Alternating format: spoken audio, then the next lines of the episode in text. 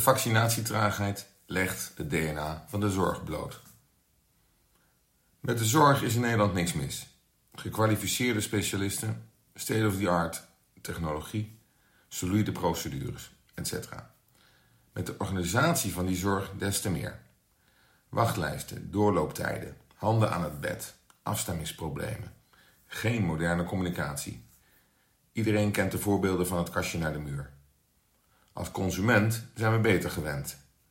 Eén loket en integrale afhandeling in de keten met een hoge mate van digitale self-service.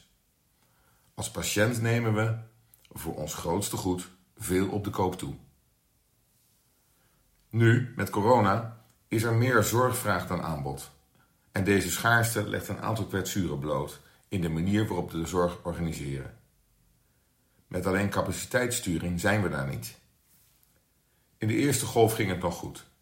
Een single focus op de IC-capaciteit dwong landelijke samenwerking af. Na de zomer stapelden de drama's zich op, zowel beleidsmatig als in de uitvoering. Denk aan uitgestelde reguliere zorg, de trage aanschaf en realisatie van testen en vaccins en een vaccinatiebeleid gebaseerd op leeftijd in plaats van kwaliteit van leven en besmettingsgevaar. De kernoorzaak van deze vaccinatietraagheid? Iedereen in het brede zorgveld wil het zelf doen. RIVM, GGD, VWS, Care and Cure, eerste en tweede lijns. Het zijn grotendeels autonome eilanden. Lokale uitvoering wint het van landelijke coördinatie en men kiest nauwelijks voor samenwerking met competente derden, als bijvoorbeeld Defensie. Op veel plekken vinden we hetzelfde wiel uit. En er is versnipperde logistiek tussen inkoop, voorraadbeheer en de prikteams of priklocaties. Traagheid is het logische gevolg. En dat kost inmiddels levens en leefplezier van velen. Deze vaccinatietraagheid legt een stuk DNA van de zorg bloot. Het landschap is enorm gefragmenteerd. Het ontbreekt aan schaal en samenwerking. Dat zit zo. De zorg is hoofdzakelijk per specialisatie georganiseerd, niet in een keten. Vrijwel elke instelling, vakgroep, afdeling neemt verantwoordelijkheid, maar wel vanuit zijn eigen vak en beperkt tot dat eigen vakje, de silo. Een systeemkenmerk dat in stand wordt gehouden door de professionele autonomie van de medisch specialisten en het financieringsstelsel, gebaseerd op dezelfde silo's.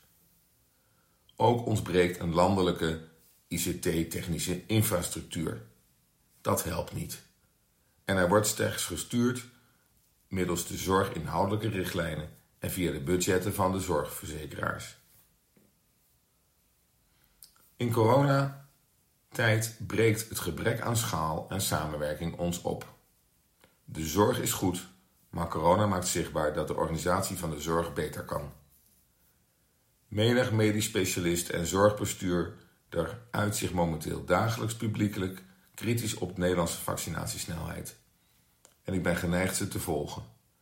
Laat de zorgprofessionals hun verantwoordelijkheid in de keten nemen en investeer zo de komende kabinetsperiode jaarlijks 1% van de ruim 90 miljard zorgkosten aan schaal en samenwerking.